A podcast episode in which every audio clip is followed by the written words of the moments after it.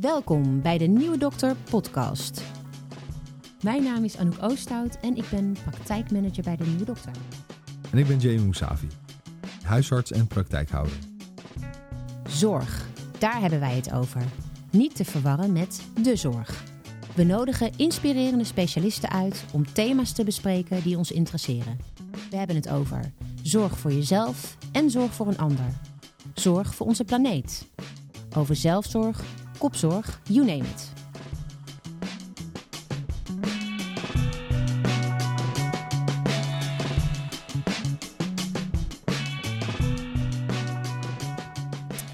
Hij staat aan, jongens, zou ik zeggen, maar dat klopt niet, want ik zit alleen maar met vrouwen vandaag.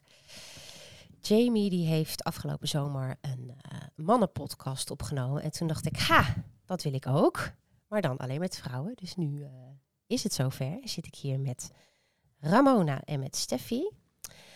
Um, de reden waarom ik uh, deze twee dames heb uitgenodigd is omdat um, zij, net als ik ook, uh, naast mijn werk bij de huisarts, met vrouwenwerk. Uh, allemaal vanuit een andere invalshoek. Um, en een grote gemene delen is eigenlijk dat wij ja, werken met vrouwen om weer goed in hun lijf te komen, om hun eigen kracht te vinden. Dat zijn even grote gemene delers. Uh, uh, of dat nou op fysiek niveau is, of emotioneel, mentaal en zelfs ook wel spiritueel, denk ik.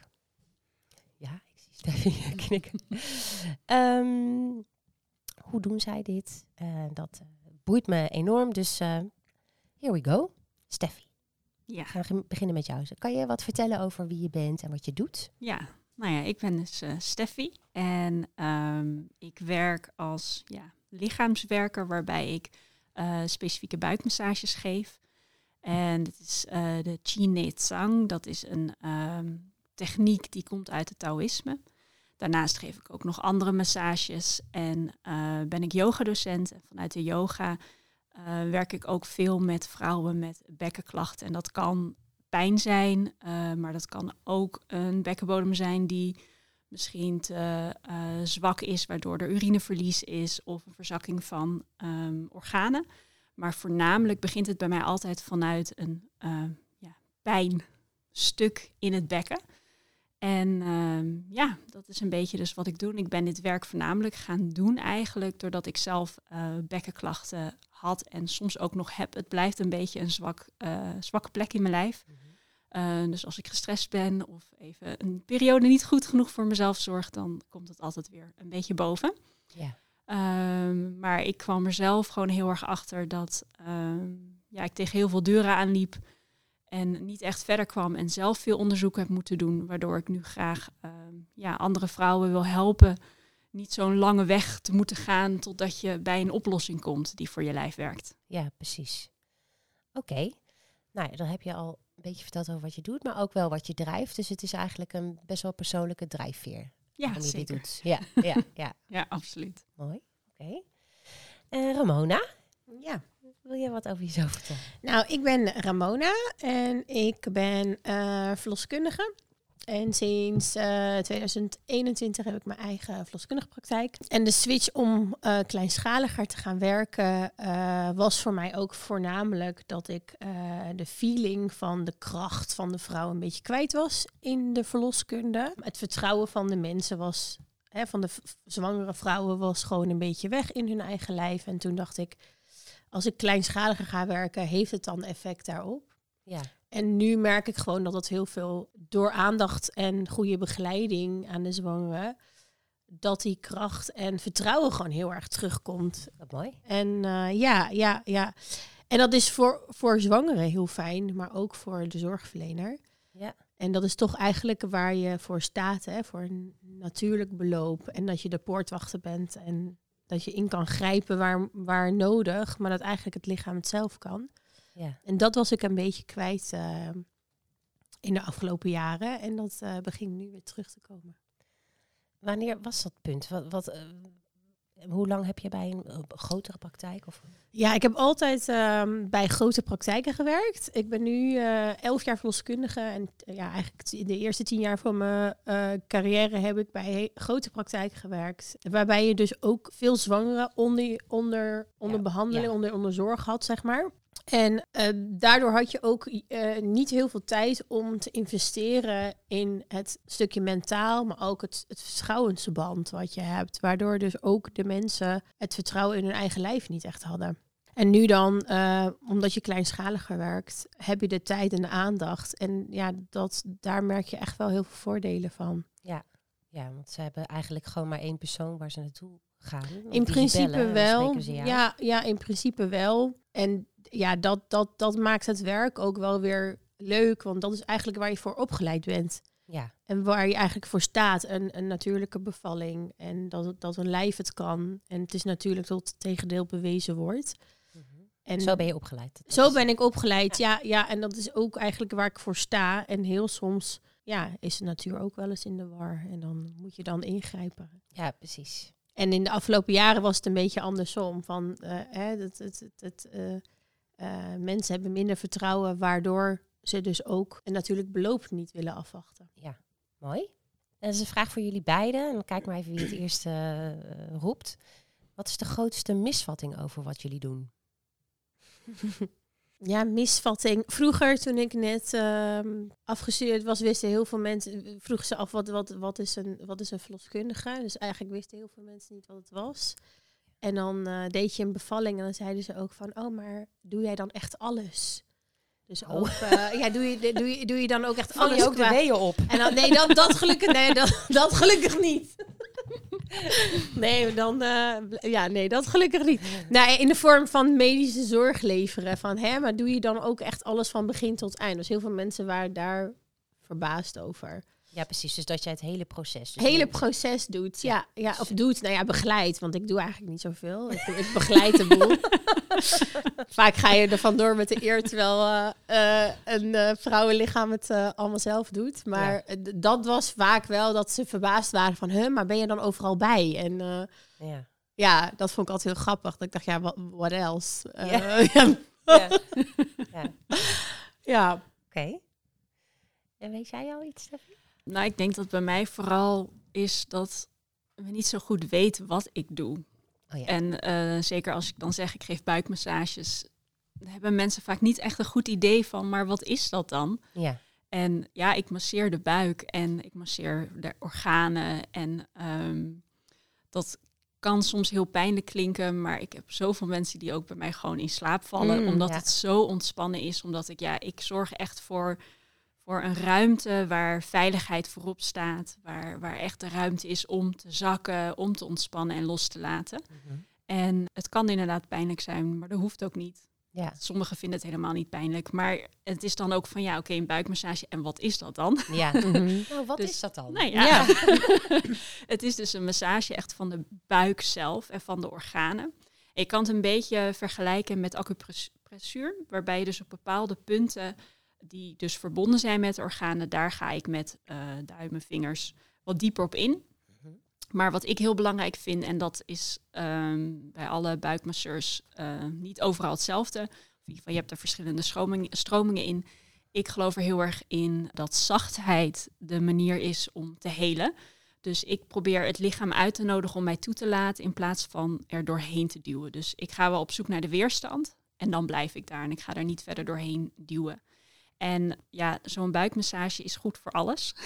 het is goed voor je algehele gezondheid. Maar omdat ik natuurlijk met vrouwen werk, zie ik met name vrouwen met klachten rondom de buik en het bekken. En dan kan je denken aan darmklachten, maar dus ook menstruatieklachten, eh, PCOS, endometriose, ehm, hormoonklachten. ehm, veel vrouwen in de menopauze die hier heel veel aan hebben, die ik ook eh, help om gewoon het lijf wat meer in balans te brengen. Want dat is eigenlijk wat het doet.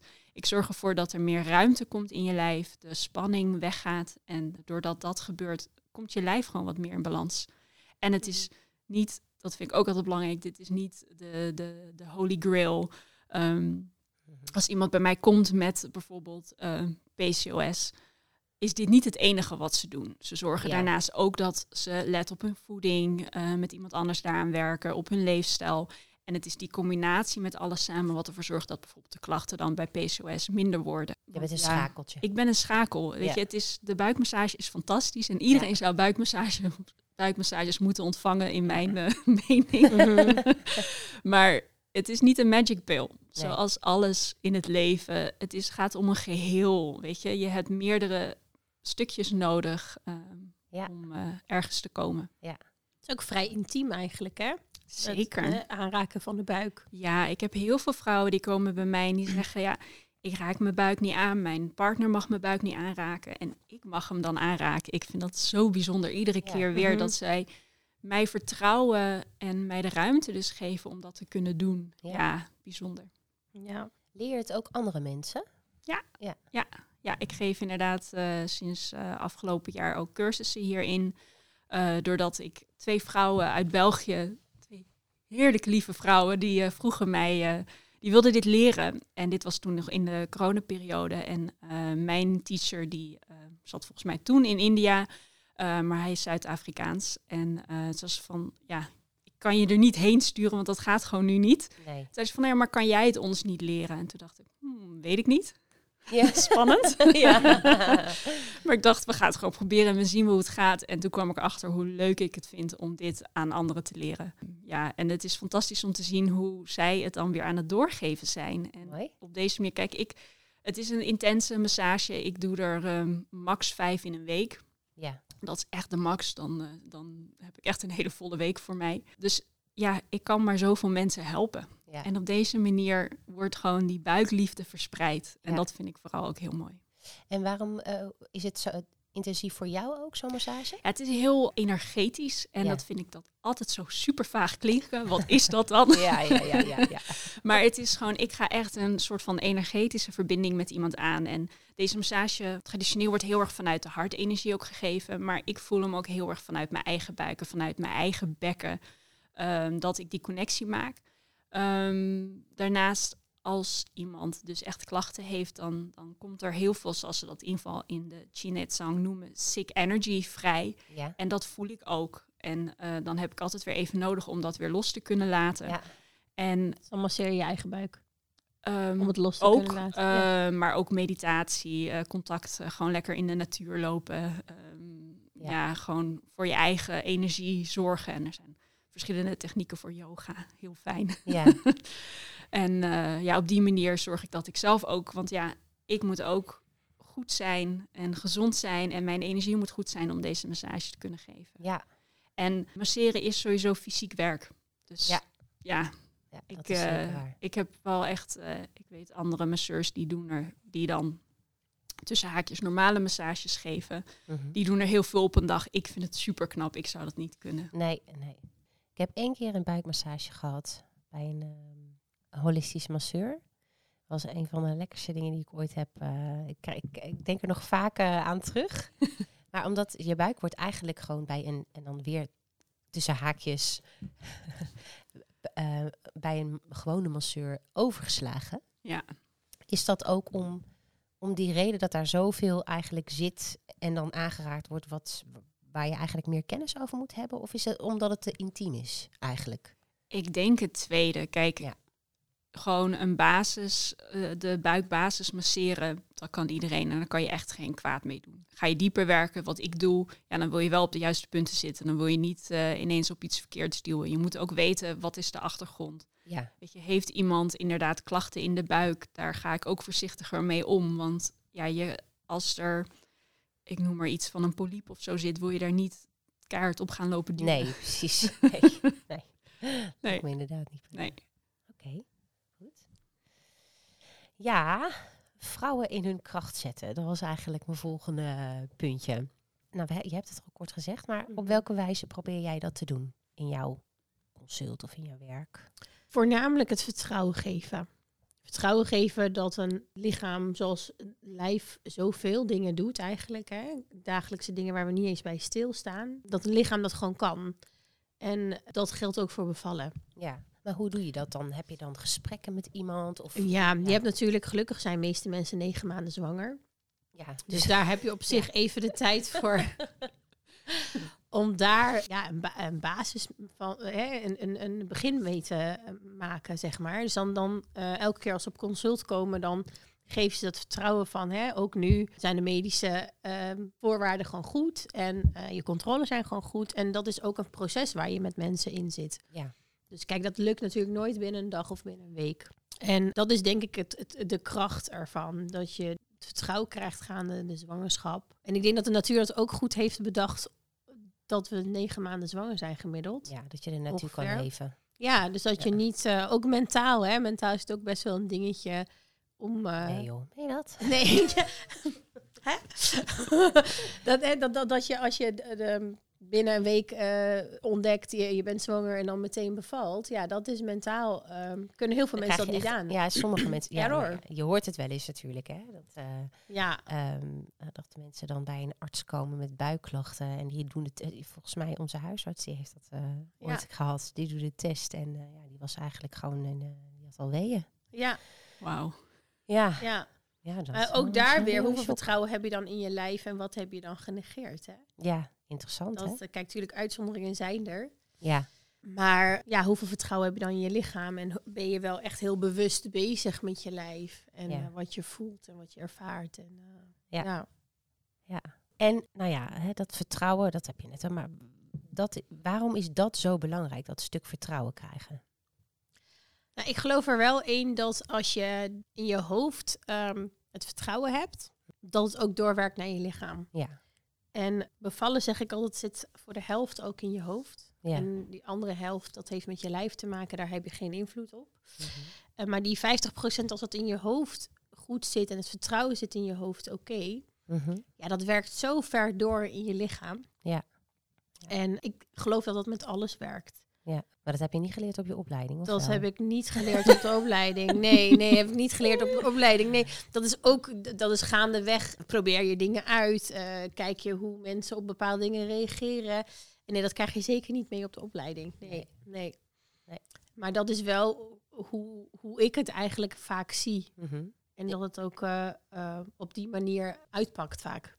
Is dat ook hoe je zelf in het leven al stond? Dat je, eh, hè, als je er iets in je hoofd had, dat je dan ervoor ging en dat het dan... Of hoe zit dat? Ja, dat absoluut. Ja. Anouk kent me al iets langer, dus ik denk dat die vraag... Is het een beetje een open ik- deur? nou ja, Nee, ja, dat was het. Een, ja, precies. nou ja, daar, ja, ik denk het wel. Ik denk altijd van, als je iets wil en echt, echt, echt heel graag wilt, dat het ook echt wel lukt. Ja. En kijk, met bevallen is het natuurlijk zo dat ehm, een, een, een deel ook niet in je hoofd zit, maar ook echt, hè, als je een hoge bloeddruk ontwikkelt, ja, dat zit niet in je hoofd. Ehm, hè, als je ruim bloedvlies hebt na de bevalling, ja, dat zit niet in je hoofd. Dat is gewoon je lijf die dat dan op die manier doet. Ja. Eh, de natuur die soms ook in de war is of hè, eh, iets probeert duidelijk te maken. Maar, maar ik geloof wel dat als dat in orde is, dat stukje, dat je dat, dat ook kan, kan bereiken. En ja, daar sta ik zelf ook wel zo in het leven. Dat ik denk, ja, als ik dit echt, echt heel graag wil, Ja. ja, dan moet ik ervoor werken en dan mo- moet het ook lukken. Ja. En dat is vaak ook wel het geval. ja. En ehm, zijn er eh, cliënten die bewust voor jou kiezen omdat ze eh, dat ook graag willen? Of is dat niet iets wat je heel prominent op je website hebt staan, bijvoorbeeld? Van, eh, nee, absoluut wel. Eh, ehm, dat is ook eigenlijk wel hetgeen waar mensen nu heel erg naar snakken. Naar, naar één op één begeleiding, wat intiemere banden. Dat vluchtige willen mensen tegenwoordig niet meer. nee. Zeker omdat je in de zwangerschap zo kwetsbaar bent en ook nog een baby in het spel is. En je hormonaal... Of soms twee, of soms drie. of ja, dat hebben we ook weer. Ja, dat is precies. Ja, ja, ja. Eh, dus, en, en er is ook nog een partner in beeld vaak. dat nog, eh, ja. die, die ook nog. Dus eh, ja, dan zoeken mensen toch op de een of andere manier... zijn ze wel op zoek naar de rust en ja, die één op één begeleiding. Ja. En dat ehm, eh, de vraag is daar best wel veel naar, inderdaad. Ja.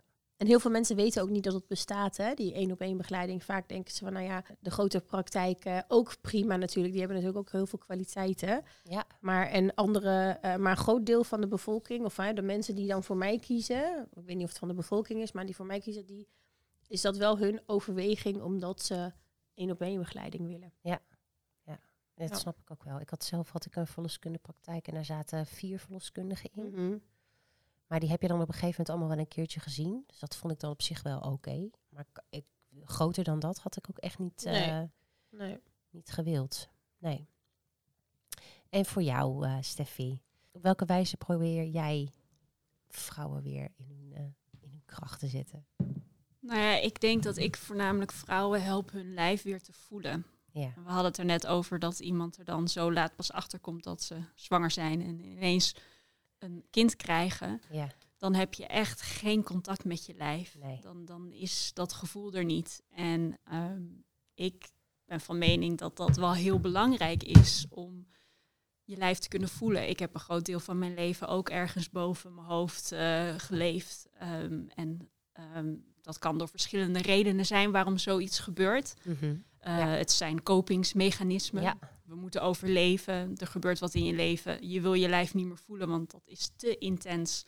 Dus ehm, je gaat in je hoofd. En voor mij voelt dat altijd zelfs verder boven. ja, En ik help vrouwen gewoon te zakken in hun lijf. En dat Mhm. kan door de massage, door aanraking. ja, Dat, dat helpt. Maar bijvoorbeeld ook yoga, ademhalingsoefeningen, meditatie. Het zijn allemaal manieren die jou kunnen helpen om weer te zakken. ja, precies. Ja. En ehm, nou, je hebt ook al uitgelegd waarom het zo belangrijk is.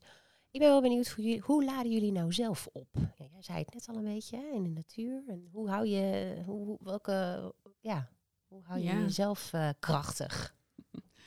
Ja, ik, ik hou heel erg van de natuur. Ik heb een hond, dus ik ga bijna iedere dag wel naar buiten. Af en toe laat ik mijn vriend alleen gaan als het heel slecht weer is. Ja. Mijn hond houdt ook niet van regen, dus voordeel. ik hou heel erg van natuur, maar zelf ja, laat ik mij ook eh, iedere maand door eh, verschillende mensen behandelen qua massages. Eh, ik ga iedere maand naar een chiropractor. Ik ga iedere maand naar de psycholoog, omdat gewoon ik zelf ook mijn energie goed wil houden en voor mezelf wil zorgen. En ehm, ja, dat zijn manieren waarop ik zorg dat ik ook opgeladen ben. Lekker. Ja. Ja, en jij? Slapen. ja. Dat is, eh, slapen werkt goed bij mij. Eh, een goede nacht maken. ja. Dat is echt wel, eh, dat, dat, dat doet echt wonderen. Ehm, en ehm, vaak als ik ook een bevalling begeleid, voel ik het ook wel in mijn lichaam. Niet zozeer energie, ja, wellicht ook wel. Maar meer dat je toch fysiek ook wel intensief bezig bent geweest. Hè? Dus dat is eh, niet alleen zwanger hebben het zwaar. Nee hoor, dus, je, dus zeker als je bijvoorbeeld een thuisbevalling hebt gedaan. Ja, weet je, dan heb je toch wat, wat vaker klachten in je rug. Ja, en had ik ja, tien ja, jaar geleden ook niet hoor. Dus het wordt nu eh, wel anders. Dus dan voel je het toch wel in je lijf. En wat ik dan wel vaak doe, dan eh, trakteer ik mezelf op een massage. ja. Niet Ja. mezelf, maar dan boek ik een massage. En Ja. dan, eh, dus dat, dat hou ik er nu een beetje in. Van elke bevalling die ik dan heb gedaan, mag ik een massage boeken. Oh, Lekker. Dus ja, dus dat ehm, daarmee. En voor de rest, ehm, eh, als ik in het bos loop, dat, dan ontlaat ik ook. Maar dan ben ik vaak eh, met een vriendin of eh, met mensen. En dan kletsen we oren van elkaars hoofd. Oh, dus ja. eh, dat mediteren, ja, dat, dat zou me goed doen. Dus dat doe ik niet zo heel veel. Maar ehm, ja, dat, dat zijn vooral, dat, dat is voor mij ontspannen ook. Om eh, toch wel onder de mensen te zijn. En eh, daardoor laat ik ook wel weer op. En dan kan ik ook weer eventjes opteren ja, precies. avondje uit zonder diensttelefoon. Ja. Werkt ook erg goed bij mij. Ja, lekker. Dus ehm, eh, ja, zo laat ik zeg maar op. Ja. Ja. Hey, je zei net die thuisbevalling. Je, je bedoelt dan eigenlijk dat je wat meer het moet doen met eh, de meubels die er staan. En, eh, Nee, zo erg is het gelukkig niet. Nee, dat, nou, heel af en toe heb je dat ook. Die per ongeluk thuisbevallen eh, op de bank. Maar dat heb ik nu niet in mijn eigen praktijk. Maar in het verleden wel eens per ongeluk een, nou, een, een onverwachte thuisbevalling moeten doen. die dan op de bank in de woonkamer zat. Oh, en dan ja. als je zelf op je knieën ernaast zat. Maar dat, dat gelukkig, dat heb ik nu niet meer in de praktijk. Nog niet. Hè? Dus, eh, ehm, maar dat, ja, vaak zijn de mensen die eh, nu bewust voor een thuisbevalling kiezen bij mij zijn allemaal wel heel goed eh, voorbereid. Dus Ja, die hebben precies. wel alle faciliteiten en alles in huis wat nodig is. Maar ja, dan ben je toch wel wat. Ja, het, het- de bevalling duurt ook wel wat, wat enkele uren als het je eerste babytje is. Dus ehm, ja, dan ben je fysiek toch wel wat intensiever. En ik heb heel. Attribuut aan eh, spullen wat ik meeneem. Ja. En dat weegt ook wel wat. Mijn verlostas en mijn zuurstoftas. Ja, en ja. ja, dus dan ehm, moet je toch daarmee slepen. En dan merk je toch aan je lijf, ja, ik heb, ik heb wel wat gedaan. ja. Dus dat het dan, eh, ja. En merk je dan nog, werk je nog adrenaline bij jezelf? Of heb je dat eigenlijk niet echt meer? Nou, niet echt. Eh, die, die fase heb ik echt een beetje gehad. Het is niet eh, dat je dan het spannend vindt om een bevalling te begeleiden. Maar in echt uiterste spoedsituaties, ja, dat adrenaline zorgt er wel voor dat je alert wordt. Dus als je, Ja, Ja, als je aan het inkakken bent, eh, ja, dat die adrenaline je wel weer wakker maakt. Dat je Ja. dan weer in actie moet komen. Ja. Dus maar nee, adrenaline heb ik niet heel erg veel. Nee. nee, go with the flow vaak. En vaak is de, want vaak ook als ik ook rustig ben tijdens zo'n bevalling, merk ik dat het toch ook echt wel doorwerkt naar de mensen. Ja, dat, dat- dat kan en me mensen kennen je ook en dan dat, dat scheelt ook gewoon. Je hebt de vertrouwensband en Ja. dat trek je eigenlijk door tot na de bevalling eigenlijk. Ja, precies.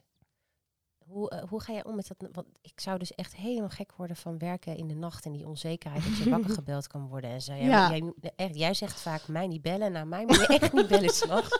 Tenzij er een noodsituatie is.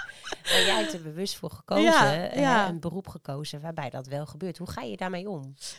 Ja, het is een, inderdaad een bewuste keuze. En eh, ik, eh, slaap echt heerlijk als ik ook weet dat er mensen moeten bevallen. Dus het is niet meer dat ik er echt heel veel last van heb. Ehm, ja, ook omdat je niet heel erg bang meer bent voor situaties wat voor gaat komen. Dus het is ook niet meer dat je denkt van, oh, wat als? Of eh, hey, je, je weet dat je, wa- wat je moet doen en je weet dat je moet handelen. En als ik in het bos loop, ik zorg er wel altijd voor dat ik wel mijn auto in de buurt heb als ik verder weg ben, zeg Ja, maar. Ja, ja. Uh, maar dan weet je ook van, joh, ik stap in de auto en ik ben gelijk weg. Ja. Dus dat zorg ik daar, daar, je houdt wel altijd rekening daarmee. Dus ook als je in de stad bent, dan zorg je ervoor dat je wel altijd je auto in de buurt hebt. Dus doordat je alles zeg maar van tevoren regelt, Ja. eh, kan ik ook relaxed alles doen eigenlijk. ja, precies. En het heeft ook wel een charme hoor, s'nachts werken. Dat kan ik me wel Ja. voorstellen. Ja, ja, Ja. Ik heb wel s'nachts gewerkt, eh, in de festivalindustrie ook. Ja, De- dus ja, dat kan ik me maar dan zijn ze allemaal dronken. Ja, Dat is anders. achter de schermen niet hoor. Dan zijn ze, nou ja, soms op een gegeven moment wel. Ja. Nee, maar Ja. dat is wel als je dan op straat bent en de stilte en eh, dat je het Ja. verkeer, weinig verkeer, en zo, dat heeft, dat heeft wel iets. Dat is, Het heeft wel echt iets magisch. Of als je dan eh, s ochtends vroeg eh, van een bevalling naar huis rijdt. Iedereen gaat, de zon komt op en iedereen gaat naar zijn kantoorbaan. En dan rijd ik terug naar mijn huis en denk ik, jullie weten allemaal niet wat ik net heb gedaan. Ja. Dus dat, dat is ook wel heel magisch eigenlijk. En dan kan ik lekker slapen. Zij moeten allemaal nog gaan werken. ja, ja, Dus ja, dus het heeft ook wel weer iets moois. En je bent eigenlijk altijd als je uit je bed gebeld wordt, ehm, je- ga je ook om iemand te helpen. Ja.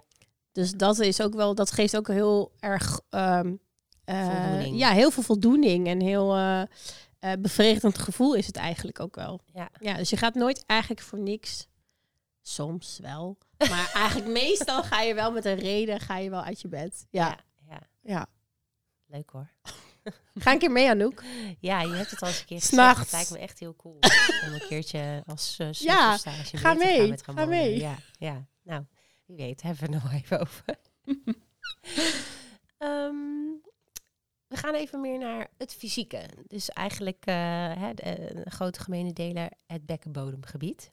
Wat vinden jullie, wat, wat zou iedereen over dat gebied moeten weten? En dan misschien vooral specifiek vrouwen, omdat we het daar nu toch vooral over hebben. Ik denk vooral dat het er gewoon is. dat is inderdaad stap 1. Bekkenbodem. Dus waar, waar, sorry, het bekkengebied, waar hebben we het dan over? Voordat ik klachten had, had ik geen idee dat er een bekkenbodem was. Ja. Ik vind ook nog steeds, ik, alleen in het Nederlands heb ik er nog niet een betere naam voor, maar we noemen het een bekkenbodem, maar het is geen bodem. Want het is een spier Nee. die alle kanten op beweegt en, en meedoet. Maar laten we het gewoon de bekkenbodem noemen, want iedereen weet dan waar je het over Hoe hebt. wordt het eh, elders genoemd? Een eh, pelvic diaphragm. Oh ja, dus eigenlijk Want het, diaphragm is, Het net als ja, hier. Ja, net als het Ja, middenrif, middenrif. omdat het middenrif ook, ja, maar wat zeg je dan, bekken, een bekkenmiddenrif? ja, een Wel bekkenrif. een bekken eh, Rif. diafragma. Oh ja, een Dat, ja, bekkendiafragma. bekkendiafragma. Maar ja, ik denk dat de, Nederlands woord. de, de meeste vrouwen dan geen idee hebben wat het dan is. En een bekkenbodem hebben ze misschien wel eens van gehoord. Maar ik had geen idee wat dat precies inhield. Totdat ik eh, zelf pijn kreeg eh, in mijn bekkenbodem. Spieren. Dus ik denk vooral dat, dat die spieren er zijn. En dat het dus niet echt een bodem is, maar dat het beweegt. En dat het belangrijk is dat het beweegt. En dat we dus goed ons middenrif moeten gebruiken met ademen. Zodat de bekkenbodem lekker kan bewegen. En ik denk ja, vooral dat dat er is. Ja. Ja, Ja, zeker. Stap 1. Ja, stap 1. het bestaat. Ja, het bestaat. Ja, bekkenbodem is natuurlijk vanuit mijn vak eh, is ook een eh, eh, heel belangrijk iets, want een kind komt daar langs natuurlijk. En eh, het kan ook beschadigen hè, Mhm. Ja. tijdens een bevalling. Dus het is eigenlijk best wel een heel groot iets, maar eigenlijk los van mijn vak gezien is het denk ik ook eh, dat bij heel veel vrouwen, ik, weet niet of het bij mannen ook zo werkt, maar ik denk bij heel veel vrouwen dat als spanning is of wat dan ook, wordt het toch daar echt vastgehouden en ehm, in je bekken. En dat heel veel vrouwen daar ook niet van op de hoogte zijn, denk ik. Nee. En dat het, dat het zich daar toch ook wel ja, verkrampt of Opslaat. opslaat. Ja. eh, dat, ja, dat het daar heel veel ook mee te maken heeft. Ja. En veel vrouwen hebben niet door dat daar spanning zit. Mhm. En het, er moet echt veel spanning en langdurige spanning zijn voordat je dus klachten echt gaat krijgen, dat je echt de pijnklachten hebt. En het is zo verbonden met al onze andere spieren en de rest van het lijf dat we vaak, dan heb je misschien klachten in je onderrug, maar je hebt geen idee dat het misschien uit je bekkenbodemspieren komt of last bij je heupen. Ja. En het is zo verbonden. en Het is echt de, de, de basis en, en het connect alles in je lijf. eh, dat ja, de Ja. spanning. Weet je, er wordt wel veel eh, gezegd over. Je hebt dan of een te, te strakke bekkenbodem of een te losse. Maar veel vrouwen hebben een combi van beide. Want Mhm. je kan en pijn hebben en ehm, incontinentie hebben. Ja. Mm. En als je dan dus eh, denkt, oh, ik heb incontinentie, ik moet eh kegels doen en het lekker aanspannen, aanspannen, aanspannen, wordt het stukje wat te gespannen is, overspannen en ga je nog meer pijnklachten krijgen. Ja, ja. Die ja. bekkenbodem is zo, het bestaat uit zoveel verschillende lagen en delen. Want je hebt een Mhm. voor, een achter, een links en rechts, laag 1, 2, 3. Weet je, het is gewoon, gewoon best wel Een complex. eh, complex. ja. ja. En het is niet met één dingetje opgelost eh, als je daar klachten Nee, hebt. het is helaas niet zo simpel. Nee. Dat is wel jammer. Dat is heel jammer. En uitdagend. En uitdagend. Ja. Maakt het werk wel leuk. In ieder geval wat ik doe. En ik denk eh, voor jou ook wel. Maar eh, ja. En hoe, Ramona, hoe zorg jij dan bijvoorbeeld dat jouw eh, cliënten daar ehm, van op de hoogte zijn van eh, wat zich daar afspeelt? Eh, hè, pak je er een, eh, hè, een voorbeeld bij van, hoe noem je, je zo'n ding? Een, eh, ja, fantoom bedoel ja, je? Ja, pak Ja, je dat een- erbij? Of, een- wat, hoe, of, Een bekkenfantoom. Nee, niet standaard. Omdat in de zwangerschap is de focus gewoon meer op iets anders dan per se de spanning in je bekken. Of je bekkenbodem. Bekkendiafragma, we het ook noemen.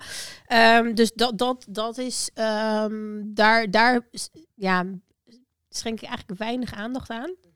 Ehm, maar ik neem het wel mee in het stukje van ontspannen zijn. En dat het daar wel heel veel mee te maken heeft. Dus ik, bij het eerste onderzoek bijvoorbeeld alleen al.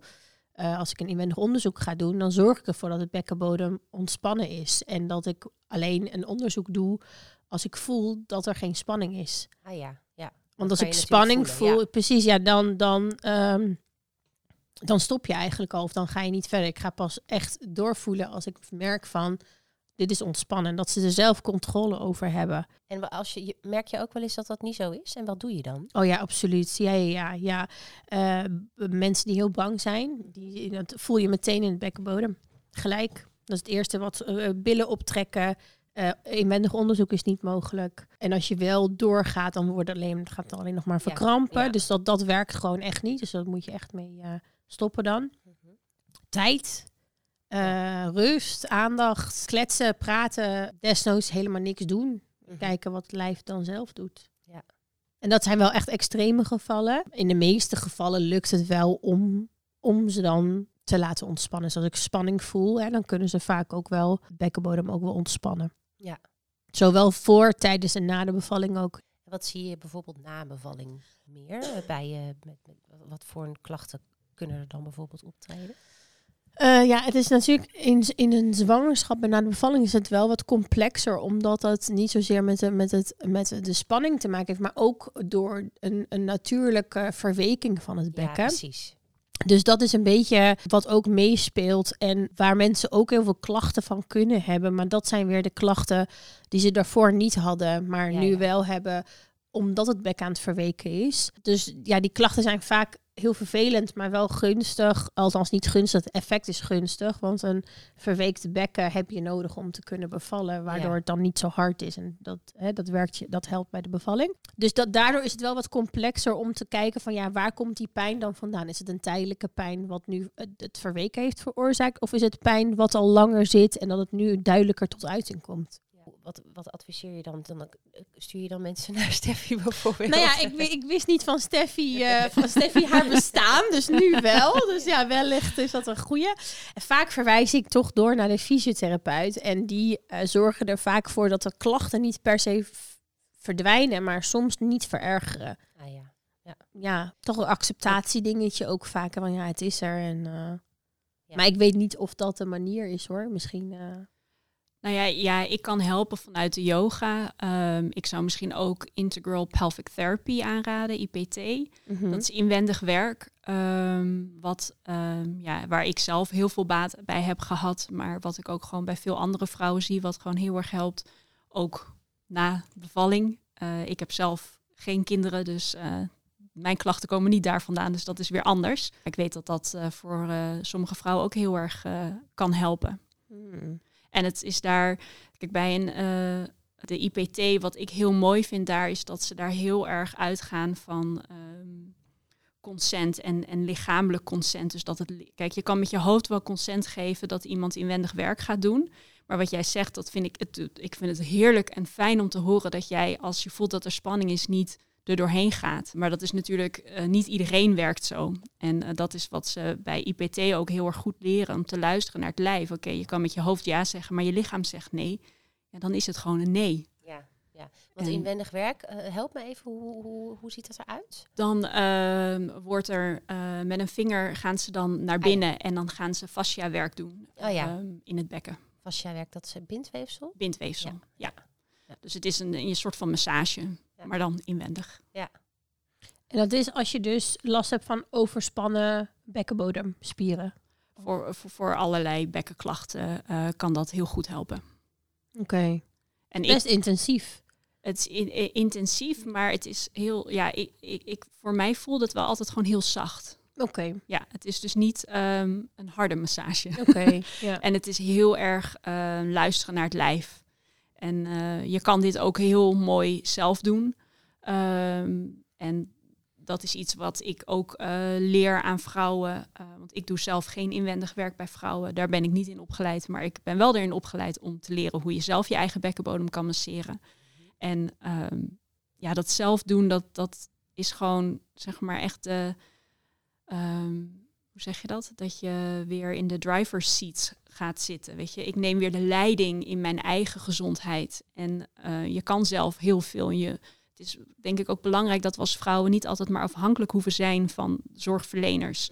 Kijk, je hebt ze nodig en je moet ze zeker niet de deur wijzen. Maar je kan zelf ook heel veel. En het is ook belangrijk dat het een beetje samengaat, denk ik. Ja, dat eh, denk ik ook. Ja. Emotionele wereld, daar wilde ik het dan nu over hebben. Op welke manier besteed jij daar aandacht aan in, jou, eh, in wat jij doet? Nou, tijdens mijn eh, bekkencoaching dan ehm, gaan we wel op onderzoek van wat er verder speelt. En een oefening die ik heel mooi vind, noem ik de pelvic timeline of eh, vagina timeline wordt het ook wel genoemd. Waarbij je eigenlijk een soort van, van tijdlijn gaat maken. Echt, je, je, je doet tape op de vloer. Ja. je gaat eh, dat Wat je verdelen in, in, allemaal heeft meegemaakt. in, in jouw Ja. jaren en wat heeft jouw bekken allemaal meegemaakt? En wat heeft dat voor invloed eigenlijk op jouw fysiek, maar ook op jouw emotioneel?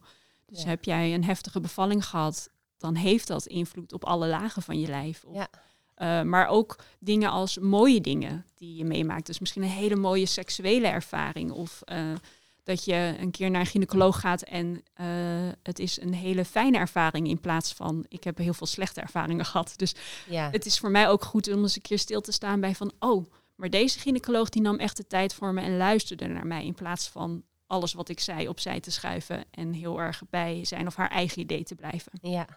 Dus dat is heel op zo'n manier werk ik met vrouwen om stil te staan bij van wat, wat heeft jouw lijf en jouw bekken dan in bijzonder meegemaakt en wat is die invloed op de rest van jouw leven. Ja. En eh, eh, dat is altijd, ja, ik vind het een hele mooie oefening. Ja, want dat zal on- ongetwijfeld heel veel inzichten wel geven ook. En ver- dat mensen verbanden gaan leggen van... Hey, Zeker. oh, wow, wow, Oké, ja. Absoluut. Ja. Ja. ja. dan krijg je een soort van eh, ja, roadmap. Ja, een Ja. blauwdruk van, oh ja. ja. Bijzonder. Blauwdruk van je vagina. Ik vind hem mooi. Ja. Ja. Ja.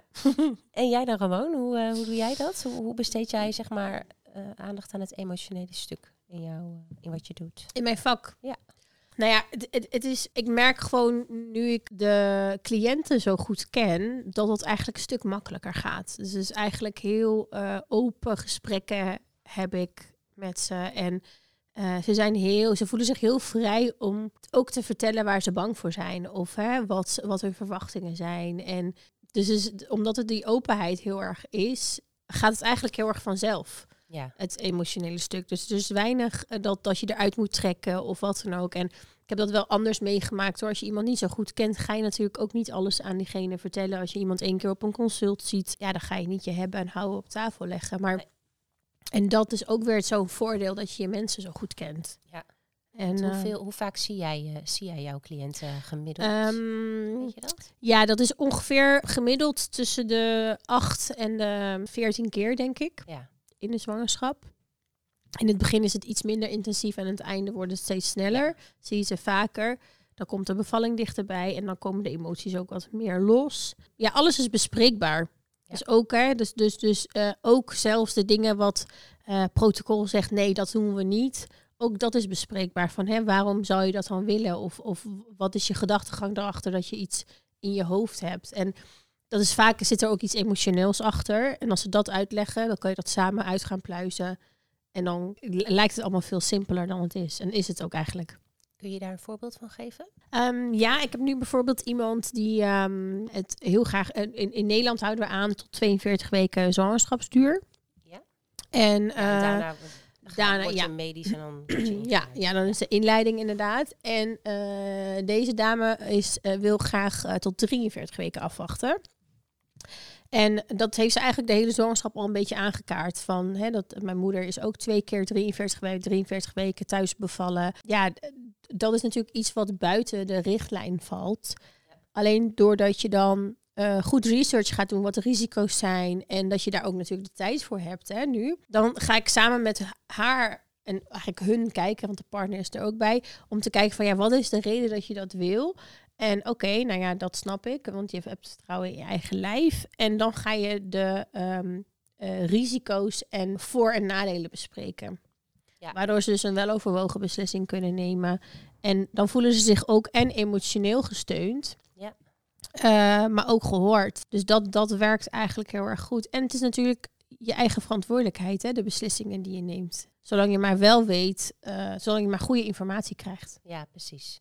En jij gaat daar dan in principe, als het besluit eh, blijft van... hé, hey, ik wil graag 43 weken afwachten, daar ga jij dan in mee?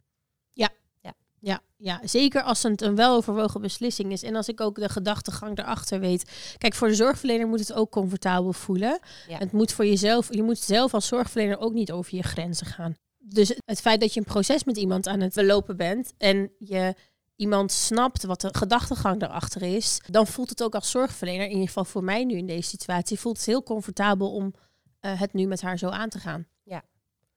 Want dat lijkt me wel, dat lijkt me wel interessant. Grenzen. Ja, Lijkt me wel leuk om nog even aan te stippen. Hoe, hoe, eh, hoe kom jij bij je grenzen? Weet je die wel van jezelf of kom je die soms wel tegen? En Ja, die kom ik ook wel, wel eens tegen. Dat ik denk van, oh, ja, ik ben er nu echt overheen gegaan. Maar ik verleg ze ook regelmatig. Ehm, eh, bijvoorbeeld, denk ik drie jaar geleden zou ik deze, in deze casus waarschijnlijk gezegd hebben: nee, ik eh, werk er niet aan mee. Omdat het dan niet comfortabel genoeg voelt. Ik heb het vertrouwen niet in, in de mensen die tegenover me staan, omdat ik ze niet goed genoeg ken. ja, precies. En nu weet ik precies wat voor voorlichting ik heb gegeven. En ik weet ook zeker dat ze de informatie hebben gekregen die ze moeten krijgen. Omdat Ja. ik het vertrouwen daarin heb. En ik weet ook gewoon dat zij door de informatie die ze gekregen hebben, de, de keuze wel overwogen hebben kunnen maken. Dus ja, dus waarschijnlijk een paar jaar geleden had ik hier heel anders in gestaan. Dus, Ja. dus mijn grenzen verleg ik ook door ervaring. Ja. Maar ook door de dingen wat je meemaakt. Ja. Waardoor ik dan denk, nou ja, daar werk ik wel aan mee of daar werk ik niet aan mee. Waar werk je echt niet aan mee? Ja, dat is een hele goeie. Dat is een hele goeie. Weet ik even niet. Alles is bespreekbaar. Ja. Ik denk dat alles bespreekbaar is. En ik denk ook als mensen een hele, hele, hele bijzondere wens hebben.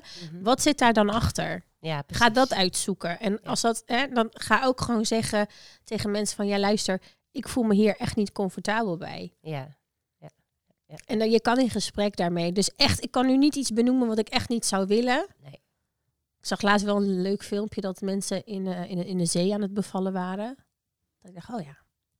Nou ja, Scheveningen, ik zie hem al gaan. Maar goed, dus het is niet, ja. Dan denk ik ook altijd van, van ja, wat is de reden dat je dat wil? En ja, nou ja, je kan je ook je grenzen verbreden. Dus ja, Ja, ja. nu ga ik iedereen op ideeën brengen om in, in, op Scheveningen te gaan bevallen. Dus. Er komt straks een nieuwe cliënt en die zegt van, ik hoorde... Ik hoorde dat podcast." jij in eh, waterbevalling doet in zee. Eh, ja. nee, maar bewijs van, hè, wat, is, wat, is dan, wat is dan de reden dat je dat wil? Ja, En dat je dat gaat uitzoeken met mensen. En misschien komen, de, hè, dan komen ze dan op andere ideeën. Of dan eh, voelen ze zich gehoord en denken ze er anders over. Want alles gebeurt, de, de keuzes die je maakt, dat is al vaak op dingen gebaseerd. Ja. En dat is wel heel interessant om daarin te duiken. zolang het maar veilig blijft. Dat is eigenlijk... Absoluut, Ja. ja. ja, absoluut. Veiligheid staat voorop, maar ook, eh, ik denk dat autonomie ook belangrijk is Ja. in deze. En jij, Steffi? Grenzen? Grenzen, ja, dat heeft wel heel erg met het bekken ook te maken, je grenzen. interessant. Ja, ja. ja zeker. Ik, ehm, als ik even naar mijn eigen grenzen kijk, eh, waarbij ik eerst ook nog eh, mannen masseerde, doe ik dat niet omdat dat voor mij gewoon niet meer goed voelde. Op die manier, eh, soms moet je wel even eh, je grenzen leren kennen, dat die even eroverheen gegaan wordt. En dan Ja. weet je van, oh ja, dit, dit, dit wil ik niet. Ik vind dat zelf met, met yin yoga heel mooi, dat je dat daar echt mee kan gaan spelen. Dat je langer in een houding blijft. Ik weet niet of jullie wel eens yin yoga Ja. hebben gedaan. Maar ook, ehm, Jij niet? nee? nou ja, dan blijf je in ieder geval een aantal minuten in, in bepaalde houdingen. En dat kan soms oncomfortabel zijn. En dan kan je een beetje gaan voelen en spelen met van oké, maar is het gewoon oncomfortabel? Zit ik als je het zeg maar zou verdelen in, in, in, in rood, oranje, groen. Weet je, groen voel je eigenlijk niks. Oranje, dan voel je wel wat, maar je bent nog niet over die grens heen. En rood is, je bent gewoon over die grens heen. Dit doet pijn, je moet eruit. Ja. Daar kan je een beetje mee gaan spelen in een veilige setting en gaan leren van oké, hoe voelt dan een grens bij mij? Zo heb ik in ieder geval leren omgaan met grenzen. Ja. En eh, in mijn werk, ja, ik sta voor heel veel dingen open, maar dus bijvoorbeeld met mannen werk ik niet meer. Nee, nee. Ja, grappig. hè? Ik doe dat ook niet meer. Ik doe ook eigenlijk alleen maar vrouwen. Vrouwencoaching. Ja. Ja. Die arme heeft- mannen. Ja, Ja. mannen. Nergens meer terecht met hun bekken en zo. Ja, Nou ja. maar ik weet nog dat een collega, ehm, eh, die zei tegen mij van, nou, maar wat zonde, weet je. Toen was ik net aan begonnen. Nou, wat zonde. En, eh, maar daarmee sluit je toch een hele, hele, hele groep mensen uit. Toen heb ik nog zitten twijfelen. Heb ik het zelfs ook nog even een tijdje aangepast op mijn website. Toen dacht ik op een gegeven moment, wat ben ik nou aan het doen? Ik, wilde, ik, ik voel mezelf gewoon comfortabeler bij het ondersteunen van vrouwen. Ik ben zelf een vrouw.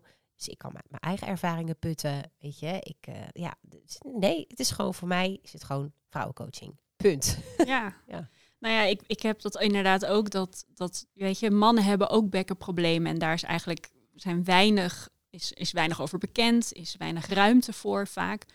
Ik van, oh ja, misschien moet ik toch ook mannen gaan helpen. Maar hetzelfde, ik voel me er gewoon zelf niet comfortabel genoeg bij. Omdat ik me gewoon veel meer kan identificeren met een vrouw. Ja. Omdat ik ook dit werk ben gaan doen vanuit eigen vrouwen of eigen bekkenklachten. Ja, Dus eh, ja, ik denk dat ik gewoon beter werk kan leveren wanneer ik met, met vrouwen, of in ieder geval mensen die geboren zijn met een baarmoeder, baarmoeder, ja. kan, kan werken. Want kijk, de bekkenbodem van een, eh, een man of een persoon geboren met een prostaat is anders, maar het is ook niet zo anders. Ehm, maar het gevoel is voor mij wel anders. Ja, precies. Ja. ja, ik begrijp het helemaal wat je zegt. Maar is het gevoel bij de mannen ook niet anders? Is er überhaupt zorgvraag? Eh, er, is, er is wel zorgvraag, want ik heb mannen die bij mij eh, in mijn e-mail komen die eh, zorg nodig hebben. En het is lastig, want soms ja, is het ook van naar wie moet ik eh, hem dan doorsturen. En het gaat dan vaak toch gewoon naar een bekkenfysio. Ja, precies. Ehm, maar er zijn wel mannen en het is, weet je, die bekkenbodem, het is complex. Dus ook bij mannen. En eh, eh, kijk, bij vrouwen komt er nog een extra laag bij vanwege bevallingen. En, en de schade die dan eventueel zou kunnen eh, optreden. En het is ook waardoor meer vrouwen meer bekkenklachten hebben. Maar ja, bij mannen, het is ook gewoon een lijf waar er dingen kunnen gebeuren. We zijn denk ik een beetje richting het einde. Vergeet ik nog iets? Zouden jullie graag nog wat willen zeggen? Doe je ook zwangere vrouwen buikmassage geven? Nee, zwanger eh, wil je in ieder geval de massage die ik geef niet op de buik doen. Dat is ook, ik werk wel eens met vrouwen die bezig zijn met zwanger worden. En dan moeten we het heel goed plannen. Want ik wil niet dat ik op de buik ga duwen wanneer er misschien een, eh, een, eh, een zwangerschap aan het ontstaan is. Dus dan is het altijd eh, tussen de menstruatie en voor de ijsprong dat ik ze masseer. Want het kan, de massage kan helpen, weet je, om het lijf meer in balans te brengen. Om, om ruimte te geven dat ze zwanger kunnen raken. Maar zeker niet tijdens de zwangerschap. En Nee. na de bevalling? Na de bevalling absoluut wel. Dat zou juist heel goed zijn, weet je, om alles weer in balans te brengen. Mhm. Alle organen weer lekker op hun plekje komen. Dat die buik gewoon weer, eh, weer goed terugkomen. Als iemand vaginaal bevallen is, dan ehm, nou, zou ik wel minimaal een week wachten. Ehm, ik weet, in sommige culturen wordt er meteen al de buik gemasseerd. Eh, maar bij deze, eh, in ieder geval mijn teacher zegt minimaal een week wachten. En met een keizersnede is het weer anders. Want in principe, als er geopereerd is aan de buik, wil je niet meteen gaan masseren. Dus dan moet je langer wachten. Ja, ze zullen dan niet in slaap vallen, denk ik, eh, als je het gelijk doet, inderdaad. Dan dat is heel gevoelig. Ja, Ja, maar leuk. ja. Ja, ik, geef deze massage ook eh, eh, graag cadeau aan vrouwen die eh, net bevallen zijn. Ik weet dat je dan normaal eigenlijk cadeautjes geeft aan, aan, aan de baby. Oh, nou, ja. eh, ik, geef, ik geef deze graag Ja, wel een leuke. aan, aan, aan de vrouw. Want hallo, mama heeft echt wel iets heel erg fantastisch gedaan. ja, zeker. Ja, Het is nogal wat. Ja, mooi. Ik heb nog wel één laatste vraag. Het is misschien een beetje... Nee, ik ga hem gewoon stellen. ik dacht, ik ga alweer een soort van verexcuseren dat ik hem ga stellen. Nee, Nee, ik hoor. ga hem gewoon stellen. Alles is bespreekbaar. Ja, oké. nou, ben jij wat je doet qua werk? Ben jij verloskundig of is het je werk? Goeie vraag. Ben ik wat ik doe? Nou ja, ik ben denk ik niet wat ik doe. Maar als ik dit niet zou doen, zou ik niet, welk, zou ik niet weten welk beroep ik anders zou willen doen.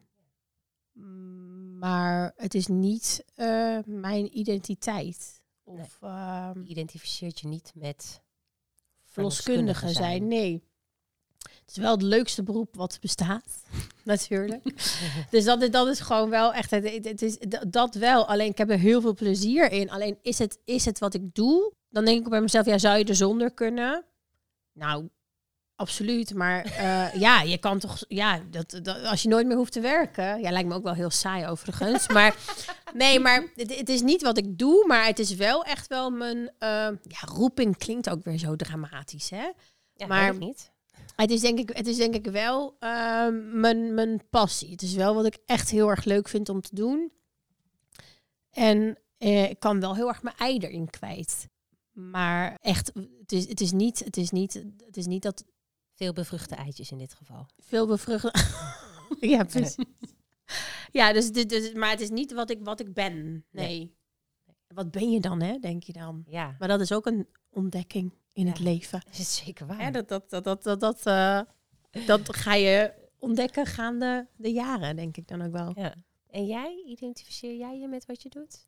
Nee, maar het is ja hetzelfde. Het is een groot onderdeel wel van mijn leven en eh, hoe ik in het leven sta. Maar dat heeft zich ook gewoon zo ontwikkeld. Want ik ben ooit begonnen eh, met een architectuurstudie. Oh ja. ja. Heel wat anders. Ja. Heel wat anders. En Ja. eh, uiteindelijk doe ik nu dit werk.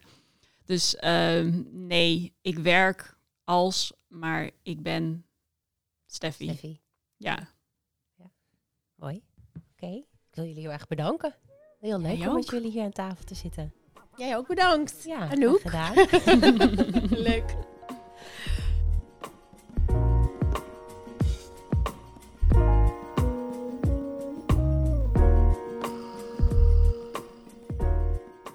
Je luisterde naar de Nieuwe Dokter podcast. Volg ons op Spotify voor updates over nieuwe afleveringen. Ook op Instagram, Facebook en LinkedIn is de nieuwe dokter te vinden. Heb je naar aanleiding van deze aflevering vragen? Schroom niet en mail naar info@nieuwedokter.nl.